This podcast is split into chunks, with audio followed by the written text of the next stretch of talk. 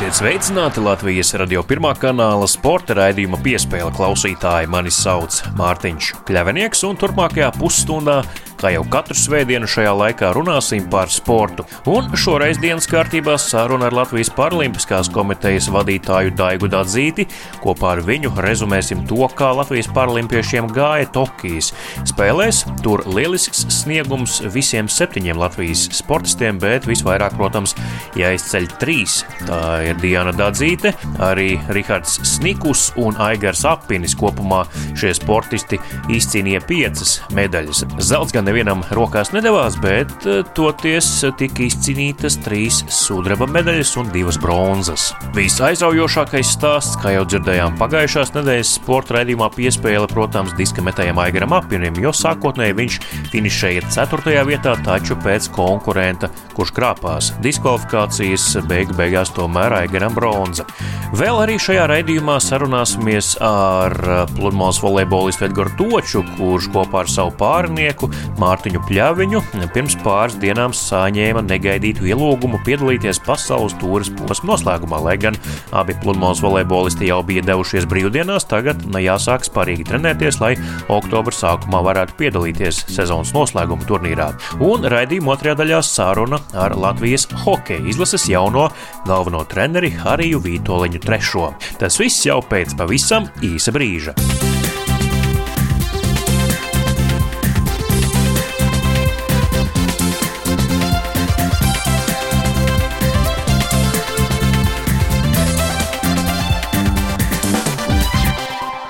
Latvijas radio pirmā kanāla sporta raidījuma piespēle mm, sarunu biedre. Turpmākajās minūtēs būs Latvijas Paralimpiskās komitejas eh, prezidenta Daiga Dadzīta, jo rezumēsim eh, nesen noslēgušās Tokijas Paralimpiskās spēles, kur Latvijai ļoti mm, medaļām bagāts eh, sniegums, piecas medaļas kopumā atvestas no Tokijas, trīs sportistu izpildījumā.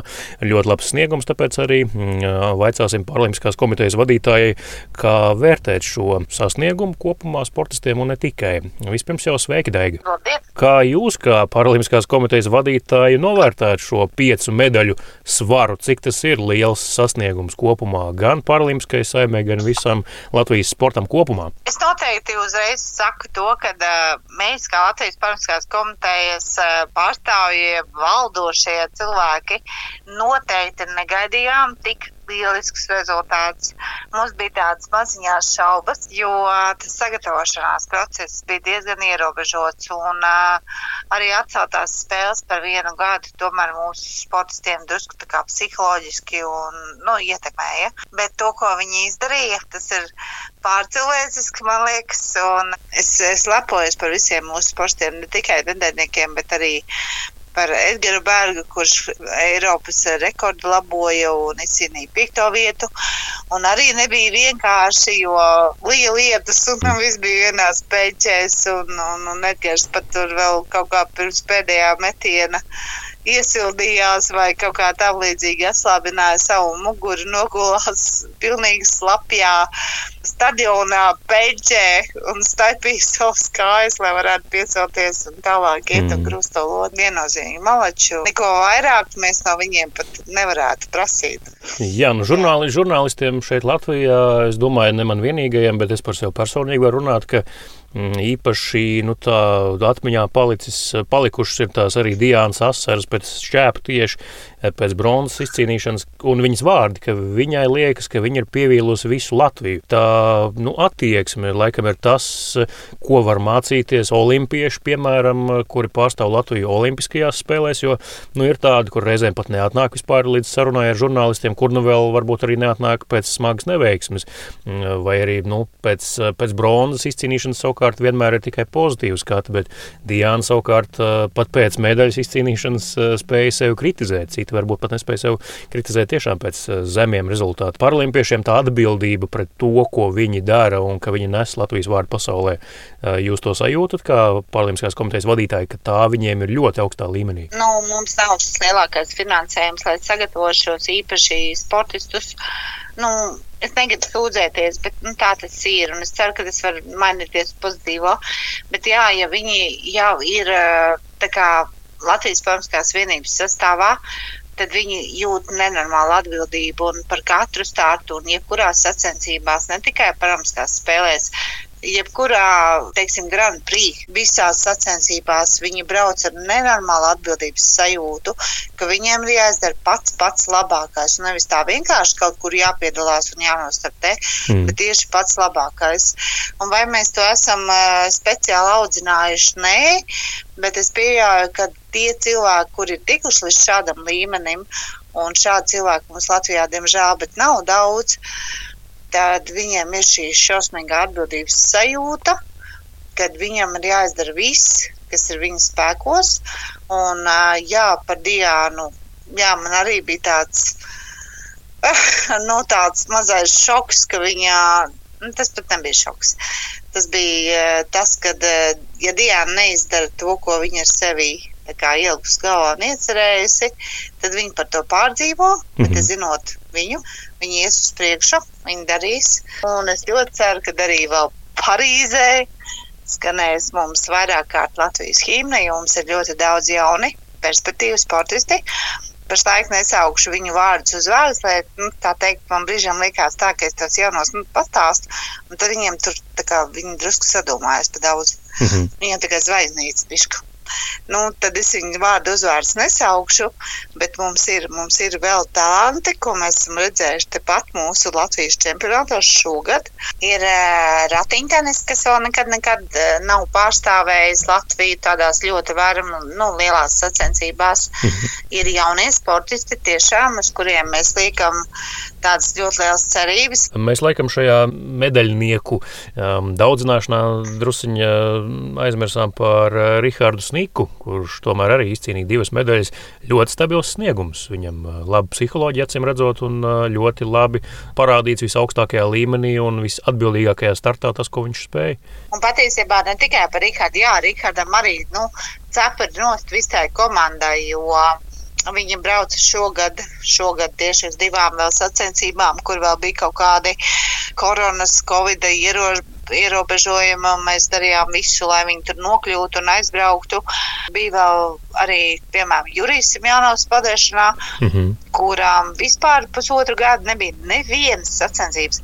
Viņam pat īstenībā īsti nebija basēna. Ja, ja zināt, kā viņš trenējās šīm sacensībām, viņš nojoja, jā, pārsvarā. Un tad jau drusku, kad atlaida vaļā šos ierobežojumus, tad viņš arī varēja izmantot basēnu, kas bija ķīpsels basēns. Un Rihards un Jurijs un Baibara Orbaha un Edgars Bergs, nu, viņiem nav medaļas, bet viņi izdarīja visu, ko viņi varēja. Man liekas, viņi izdarīja vairāk nekā viņi varēja. Rihards visu cīņu, protams, un, protams, ka Riharda ieguldījumā un Riharda šajā panākumā ir jāpiemina viņa ģimene.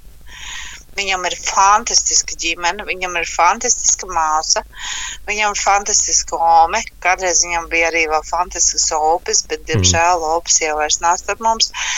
Bet jā, šie cilvēki ir ieguldījuši Rihardā to centību, mīlestību pret darbu, ko viņš dara, visu pareizo. Un mm. Rihards ir tas puisis, ko varētu likt priekšā ļoti, ļoti daudziem, ļoti daudziem vecākiem, kuriem ir bērniņi ar cerebrālo trieku, tā kā smagu cerebrālo trieku, mm. kad ar centību, mīlestību un ģimenes atbalstu var tiešām var, nu, var, var izcīnīt medaļas Paralimpiskās mm. spēlēs kādu darbu šie sportisti iegūda. Mēs, kā Paralimpiskā komiteja, mēs viņam nevaram nodrošināt simtprocentīgu finansējumu visam.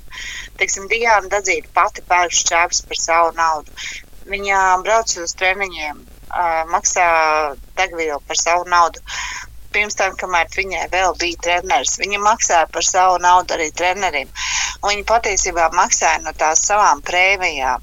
Tieši tāpat kā Aigars, mēs Aigaram kā paramskās vienības sportistam nekad neesam apmaksājis kaut kādu degvielu treniņiem. Šie cilvēki paši iegūda savu naudu, ko viņi izcīna savā attīstībā, savā treniņu procesā.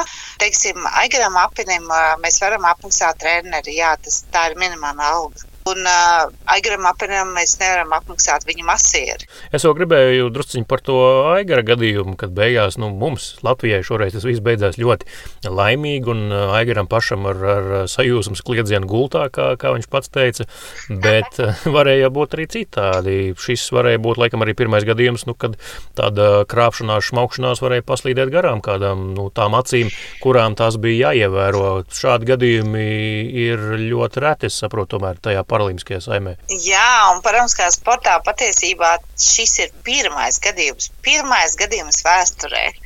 Kad tieši sacensību laikā tiek anulēti kaut kāda rezultāta vai nu, diskvalificēts sportists mm. dēļ nepareizi piešķirtas medicīniskās klases. Mm ir arī mazā nianse. Varbūt labi, ka mēs kā mazā Latvija, mēs tādas foršas meitenes, es Daiga un ģenerālsekretāra Liene un, un pārējie. Tad, kad es jau pēc Aigara starta satiku, mani uzaicināja uz pārnām starptautiskās parlamskās komitejas galvenie klasifikātori. Man sanāca tā, ka es tur nevarēju būt, bet man informēja tā kā zumā. Bet jā. viņš jau par sportistu pētīja, un jā, un šis sportists staigā, un šis sportistam viss ir labi. Jā. Un viņš vienkārši tēlo sevi. Un kā man pateica pēc tam galvenais klasifikators, viņš teica tādēļ, ka, ja tā nebūtu bijusi Latvija, mēs šito izskatītu pēc paralimpiskām spēlēm. Bet visu cīņu starptautiskiem klasifikatoriem, ka viņi pievērš uzmanību, viņām tagad ir apmēram laikam, divi gadi liekti startēt vispār. Paldies, Daiga, par šo sarunu. Paldies par darbu, paldies par emocijām, ko Tokijā sportisti sagādāja arī šeit Latvijā eh, palikušajiem. Un, eh, nu tad, eh, lai darbs turpinās un, un vēl daudz jaunu, labu ziņu gan no Pekinas, gan no nākamajām spēlēm. Un tad jau uz sarunu kādu citu reizi. Lai izdodas un paldies par sarunu. Paldies jums arī.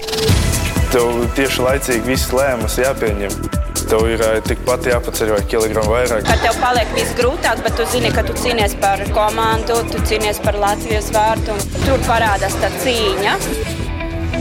Latvijas radio pirmā kanāla sporta raidījums piespēle turpinās. Studijā Mārtiņš Kļavnieks un turpinājumā parunāsim par pludmales volejbolu ar um, Tokijas Olimpisko spēļu ceturtās vietas ieguvēju Edgars Toču. Ar viņu jau sarunājāmies arī tikko, kā viņš un Mārtiņš Kļavnieks atlidoja no Tokijas uh, Rīgas lidostā. Tad bija vienas emocijas, tagad laiks ir pagājis un atkal jaunas. Uh, un pārsteidzošas emocijas, jo šis pāris ir saņēmis ielūgumu uz pasaules tūres fināla posmu, kur piedalīsies tikai desmit pāru, proti, astoņi labākie pēc ranga un divi izvēlētie. Vispirms teikšu, sveiks, Edgars! Sveicināti, jā, labdien! Es saprotu, ka jūs jau bijāt devušies tādā atvaļinājuma režīmā, vai pareizi? Nu, es jau biju atvaļinājumā, jau izbaudījis. Kā saka, sports ir uh, sava veida atkarība, un es jau biju atsācis treniņus, tikai treniņu plāns bija pamazām atjaunoties, ārstēt uh, visu tas, kas ir ārstējams, un būvēt to māju no jauna pamatiem. Tā savā ziņā negaidīts paziņojums no FAUB. Pateicoties Sandrai Selgai no Volejbola federācijas, mūsu tā teikt, diplomātisko pludmales volejbola attiecību regulētāja, kas aizpildīja pieteikumu uz šo ielūgumu. Un, jā, nu es jau zināju par to pieteikumu, bet man bija tāda 90 pret 10% likme, jo Nu, šogad sastāvs ir tiešām spēcīgs pasaulē un bija tik daudz labu pāriem, no kā izvēlēties. Es domāju, ka tur daudz vēlējās spēlēt. Bet Nu, mēs jau iepriekšējā turnīrā, kas notika Hamburgā divi gadi atpakaļ, palikām piektie, un tur mēs iekšā turnīrā tikām pēc reitinga. Ja nemaldos, mēs bijām kādi piektie vai trešie uz doto brīdi pasaulē. Nu, tā, gada reitingā. Nekāds tāds unikāls piedzīvojums tas nav, bet, nu, protams, ir patīkami. Bieži vien bonusā nāk arī Latvijas fanu bāzi, kas bieži vien uz lieliem turnīriem piebrauc un atbalsta, kā tas ir bijis pasaules čempionātos, Eiropas čempionātos. Un, uh, katrā ziņā lielākais svars noteikti bija Olimpiāda, ne pats sezona kopumā, bet nu, mēs jau bieži vien parādāmies uz tās pludmales volejbola kartes kā valsts, kā mūsu pāris. Un, uh, līdz ar to jā, nu, nu, nebija tāds liels šoks, bet nu, liels šoks, kāpēc ne citi tādā ziņā. Mēs zinājām, ka tāda iespēja varētu būt, bet nu, procents bija ļoti maz. Kā tu pats reaģēji? Kur tu biji, kad tu, kad tu saņēmi apstiprinājumu, kur Mārtiņš bija? Varbūt kā jūs kopā to pārspriedāt, tās pirmās emocijas? Uh, nē, nē, par Mārtiņu es nezinu. Es viņam kā saņēmu. Man pirmais bija Itālijā spēlētājs Adrians Karambulija. Viņš arī bija saņēmis vēl kādu uz šo turnīru. Viņš atsūtīja man uh, to ja, tādu ekrānu uz šāviņu ar to, ka uh, redz, mēs esam tikuši, un es domāju, ka viņš to ir samontējis sākumā. Jo mēs tur jokojām, jo es jau biju sapratis, ka tur jau viss ir izvēlēts. Es domāju, ka viņš vienkārši, nu, velk uz zoba, bet beigās nē, bijām tikuši. Šeit bija jāsāk plānot, ko darīt. Sazinājos ar savu fiziskās sagatavotības treneru un, un, un teicu, ka bija šī jāpamaina plāni, un jā, sākām domāt, kārtot, kur trenēsimies, ka laicīgāk ir jāizbrauc arī uz Romu sagatavoties, pierast pie siltā laika un brīvā laika. Parasti pludmales volejbolistiem ir tikai rudens sezonā mēnesis, divi. Viens ir kā es teicu, tu atpūties, un tad jau sāc plānot lietas, kārtot priekš nākošā gada. Tas uh, jautājums, kuru jums uzdevām ar, ar kolēģi no Latvijas televīzijas arī lidostā, kad atlidojāt, tas lielais, nu, kā saka, sēdiens pie apaļā galda un plāns, ko tad darām tālāk un kā dzīvojam. Tas ir jau bijis, vai tas tikai būs vēl pēc šī turnīra? Nu, nu vēl jau turnīrs iet, jā, tad pagarinājās tas viss vēl pasākums tā kā, jā, dažādi varianti, dažādas iespējas, bet, nu, to mēs izsvērsim plusus, mīnusus, un, un kā katrs skatīsies uz nākotni, savu redzējumu, to mēs zināsim bišķi vēlāk. Tā kā pārmainās, mēģina ko jaunu. Un, Tie paši Brazīļi, man liekas, ir uztaisījuši trīs maiņas. Amerikāņi beidz, Beļģi beidz, Šveicietis viens beidz spēlēt savu karjeru. Un skaidrs, ka, pēc šīs neveiksmīgās sezonas kaut kas ir jāmaina. Nu, izņemot, protams, olimpiādas rezultātus, jo, ja skatās pārējos rezultātus, nebija viņi labi. Un, uh, kaut kur tā spēle parādās, pazūd. Un, uh, ja grib noturēties topā, kad nāk jaunie uh, lielgabali iekšā, tad ir jāstrādā pie kaut kā, kas ir tavs, tāds teikt, koronka sava tāda veida. Un, ja tās nav, tad ir ļoti grūti cīnīties ar top līmeņa komandām. Genādijs Samoilovs intervijā sacīja arī Latvijas radio šeit raidījumā piespēle, ka viņa prāt tāds ideālākais būtu Brazīļu variants. Nu, ka pieredzējušie, tu un Mārtiņš, katrs pie sāniem sev paņem vienu jaunu un skolo un tad izveido divus pārus. Jā, tāda iespēja netiek izslēgta, bet nu, nu, jāstāsta, kas ir ar jaunajiem, kāda viņiem plāna, jo katrs arī piesaistīts pie kāda trenera ir. Vai. Tas nav tik viennozīmīgi. Mums nav apakšā spēcīgs tāds viens sponsors, kas nosaka, ka tu spēlēsi ar šo.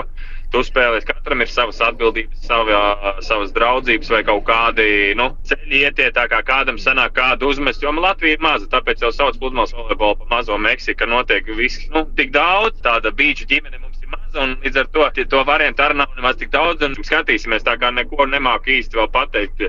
Tagad ir prātā ir labāk sagatavoties turnīram, jo šis turnīrs ir ļoti prestižs un ļoti finansiāli izdevīgs. Un, tāpēc pirmām kārtām jāpaliek veselam to, to, to ar covid ziņā, jo būtu ļoti bēdīgi dabūt pozitīvu testu tieši pirms šī turnīra. Un, jā, tā tad jāpārplāno nekādas ģimenes sabraukuma baigie vai kaut kas tam līdzīgs. Vairāk ir gandrīz vai jāpasēž uh, mājās un atkal nedrīkst rādīties telpā. Jo tas ir viens no faktoriem, kas tiešām, man tā liekas, ir viens no tādiem bīstamākajiem. Ja ne tu, tu, tu trauma, tad tiešām šis tas pozitīvais tests. Pārējais, es domāju, tas nāks ar laiku, un uh, tam bija šī ir jānosēžās, un to mēs skatīsimies, kas būs tālāk. Jo šos, šos jautājumus nedrīkst tā sasteigt, jā, daram, ejam, bet tur jāpadomā un arī jāpakomunicē ar mūsu menedžeru. Un, un, un, jā, katram ir savs redzējums.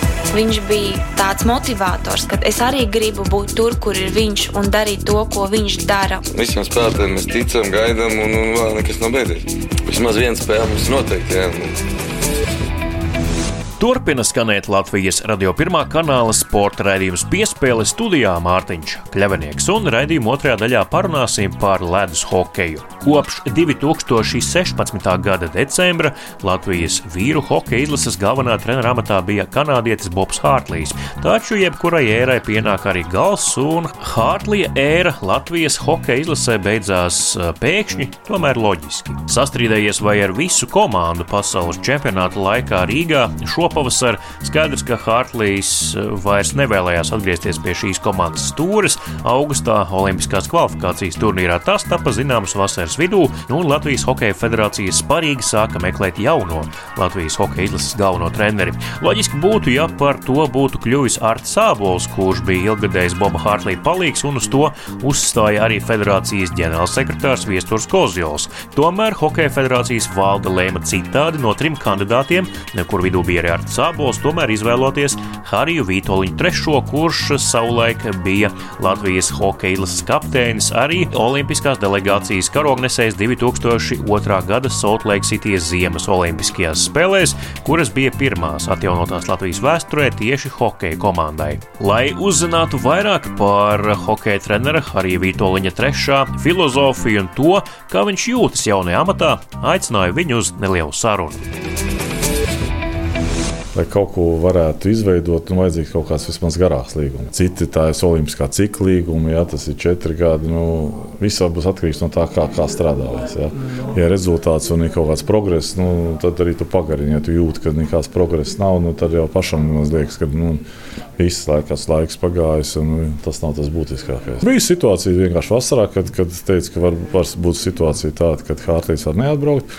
Kā es skatos, ja es pārņemtu Latvijas izlasi, vai es to vispār gribu vai negribu. Nu, protams, ka tas ir pagodinājums jābūt Latvijas izlases treneriem. Es teicu, jā, ka man nekas nav pretī, jo pašlaik es esmu brīvs. Norunājam, ka tas nav tā, ka mēs gribētu kaut kur uz īsu uz vienu turnīru un skatīties. Teikt, mēs gribētu tos ilgāk strādāt. Tā kā Egars teica, ka vienkārši tajā brīdī viss bija tik ass un tā. Atbrauc kā uz atvaļinājumu, beigās sanāca, ka, nostrādāja pusatvaļinājumu. Un šitie, kas bija, jā, tas ir šobrīd, kas mums ir labākie. Un uz tā spēļu fona, jā, mēs rādījām labu hokeju. Jā, tur var teikt, ka mēs tur tikai 2-1 vinnējām, jā, bet momenti mums bija pietiekoši. Un, teiksim, ir ko piestīpēt, ir vairākums vien, viennozīmīgi, jā, kas parādīja, ka tā ir vienmēr ir problēma. Vairākums ir noteicošais. Un, Kaut arī mēs tur arī tiem ungāriem sametām vairākumā, bet nu, sākuma fāzē nekas negāja. Ja, tāpat arī itāļiem. Ja, tur ne, ne līdz galam viss gāja. Bet tas ir tāds radošs process, pie kā jāstrādā. Tas pats rāda, ka mums ir labi, labs materiāls, ar ko strādāt. Un skatoties U20 nometni, kad es biju atbraucis šeit paskatīties, redzams, ka ir daudz labu spēlētāju. Ja? Vienkārši viņus kaut kā visu vajag pārskatīt, vairāk varbūt pievērst uzmanību, atrast laika, teiksim, nākotnē. Šie vasaras mēneši, kad ir varbūt rīkot vairāk nometnes, tieši konkrētāk uz kaut ko vērstas nometnes, nevis vis, vispusējas. Ja, bet, nu, protams, tā ir liela atbildība, liela atbildība un, un emocionāli tas ir, jā, tas ir varbūt no ārpuses neredz, bet iekšēji viss, viss teiksim, kuļās. Ja, un tu kā treneris, es zinu, ka tev nedrīkst parādīt savu uztraukumu komandai, lai viņi to neizjūtu, un tev pašam jābūt pārliecinātam, ko tu dari. Bet iekšēji tu visu laiku ir tāds zinājums, ja, ka nu, atbildība ir liela. Ja. Un visi saprot to, ka potenciāli to ir līderu komanda. Mums ir jāšķiet turnīrā, ka viņi jāvinnē, bet nu, tas ir sports. Jā, mēs esam daudzreiz redzējuši, kā notiekās. Labi, tas, kas labi beidzas, tas pirmais, teiksim, vilnis pārgājis, jā, tā ir nu, jāstrādā tālāk. Ja mēs turpinām vēl to narratīvu par emocionālo pusi, tad uh, pats teicāt, ka tā motivācija stāties pie Latvijas izlases stūres ir arī saistīta ar to emocionālo. Tā tomēr ir jūsu komanda, jūsu valsts komanda. Tas ir citādāk nekā vadīt, kā saka, svešu komandu. Tagad pēc šī turnīra, kad ir uzvara, kad ir ceļzīme, kāda bija tās reakcijas, varbūt, uz ielas manījāt, veikalā, parkā, bija kāds, kurš nāca klāt un slavēja. Tas nestaigā, bet viennozīmīgi patīkami, ja, ka tev kā, ja kāds pienāk apsveic ar uzvaru. Ja, tas ir patīkami, jo, es saku, tu jau dzīvo šeit un tu zini, ka tu cilvēku varbūt kāds atpazīst. Labāk dzirdēt kādu patīkamu vārdu nekā, nu, gan jau nekas citreiz izdosies. Ja, tomēr, tas ir tas patīkamais un patīkami, kad arī radiniekiem sagādāts prieks, jā, jo tie pat vairāk pārdzīvoja jā, nekā varbūt arī brīdī pašam, jā, jo viņiem likās, ka tas arī svarīgi ir. Un, kā tu teici, atbildība ir, ir divreiz lielāka nekā tu strādā teiksim, citā valstī. Jā. Par valsts treneru, jo tu tur dari darbu. Jā. Protams, arī gribās to darbu izdarīt pareizi, jā, nu, sasniegt to, ko tu mērķi. Bet savā valstī tas ir viennozīmīgi, tas ir kaut kas vairāk. Teiksim, Krievijā strādāt, tu zini, ka no tiem prasa viennozīmīgi rezultāti. Jā. Nu, šeit arī prasa rezultāti. Jā. Vienkārši nu, tur tu strādā. Jā. Tur, teiksim, spiediens viņai ir dažādi. Šeit es vairāk pats sevi teiksim, motivēju, kurbulēt to, ka, kā, kā es saku, tu savās mājās, tu gribi nu, parādīt to, ka tu kaut ko vari. Ja, un, lai, lai, lai viss sanāk. Tur tu piemēram dari un vienkārši koncentrējies to, ka tev jāsasniedz tas mērķis. Turpinot arī tēmu par Latvijas hokeju un tā attīstību, kā varbūt kopš jūs pēdējo reizi bijāt izlases treneris kopā ar Oļegu? Desmit gadu laikā ir mainījies Latvijas hokejs, kā jūs to redzat. Nu, spēlētāji kļuvuši meistarīgāki, varbūt tēmētāki uz kādām iemaņām vai kā? Šeit ir grūti. Mēs tā, tā tikai esam teiksim, trīs spēles. Protams, hokejs kļūst dinamiskāks. Ja? Mm. Ir kļūst dinamiskāks, ātrāks, teiksim, strateģiski vai taktiski vairāk redzams kaut kādas taktiskās spēles. Teiksim, mēs, kas savā laikā paši spēlējām, vai kad tikko sākām. Tas bija teiksim, treneru karjeras sākums, un tad varbūt tās tik izteikti mēs nepievērsām uzmanību. Tomēr gadiem, kas paiet, ir, ja tu katru gadu mācies, tu zini, šito var pamainīt, tas negājas, šis tā. Jo treneru kvalitāte jau ar gadiem aug. Ja. Nevar tā, ka es tikko pirmā gadā, nu, protams, var izšaut, var trāpīt pirmā gadā. Ja, bet, Bet tu mācies tikai no savām kļūdām. No nu, citu kļūdām tu nevari iemācīties, jo tev pašam viņas ir jāizjūt. Jā. Tu nevari teikt, tie spēlē tā, un es arī spēlēšu tā. Tev jā, jāsaprot, vai tā komanda, kur tu ņem, viņi var tā izspēlēt, nevar tā izspēlēt. Tad tu mēģini, tā nesanāk, tad tu mēģini kaut ko citu. Nu, jā, nu, es teikšu, ka hokejs kļūst dinamiskāks, dinamiskāks, ātrāks.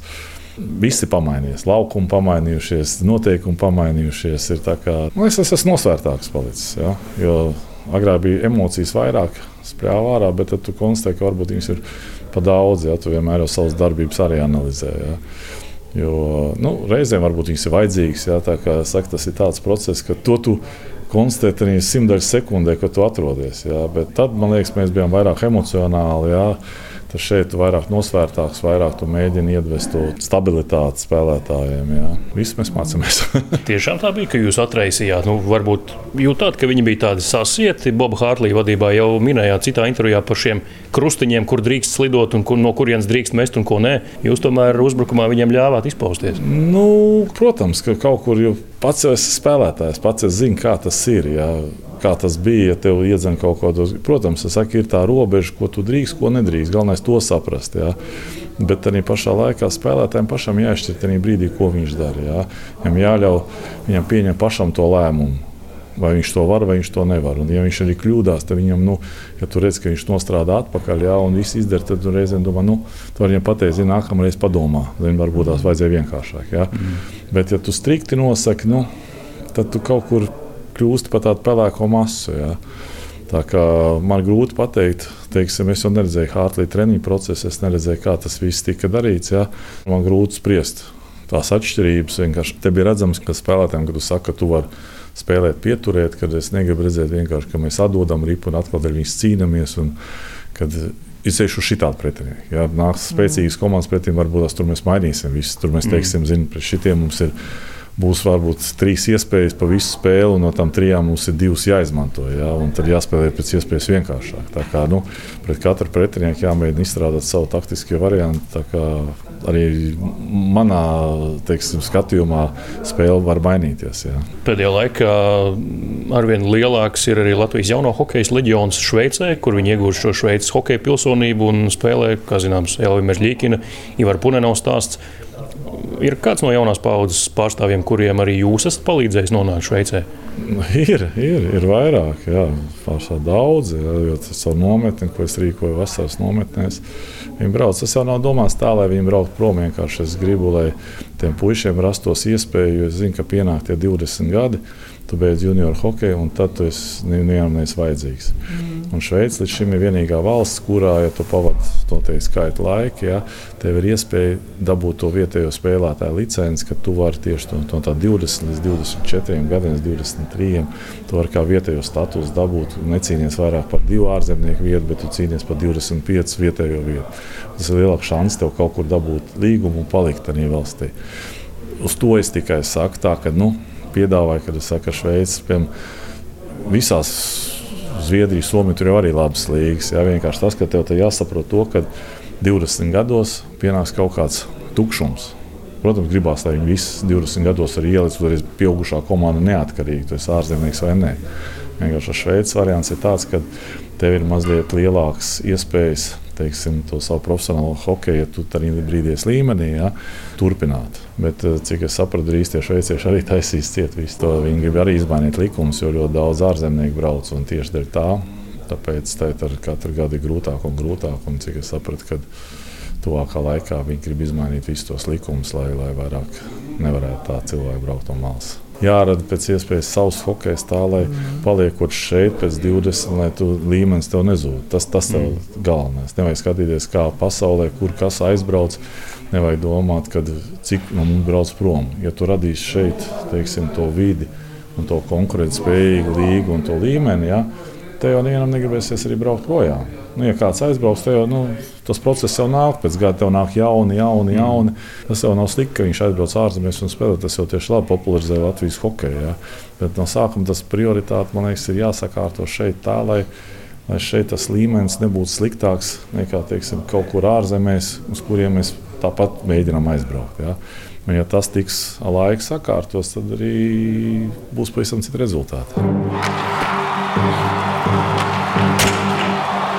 Līdz ar to arī izskan šīs nedēļas sporta raidījums piespēle. To veidoju un vadīju es, Mārtiņš Kļavinieks, bet par labskaņu kā vienmēr parūpējās Nora Mīts Papa. Pirms atvados vēl tikai atgādinu, ka raidījumu piespēle varat atrast arī jebkurā sev ērtā raidierakstu jeb podkāstu klausīšanās vietnē. Uz sadzirdēšanos jau pēc nedēļas!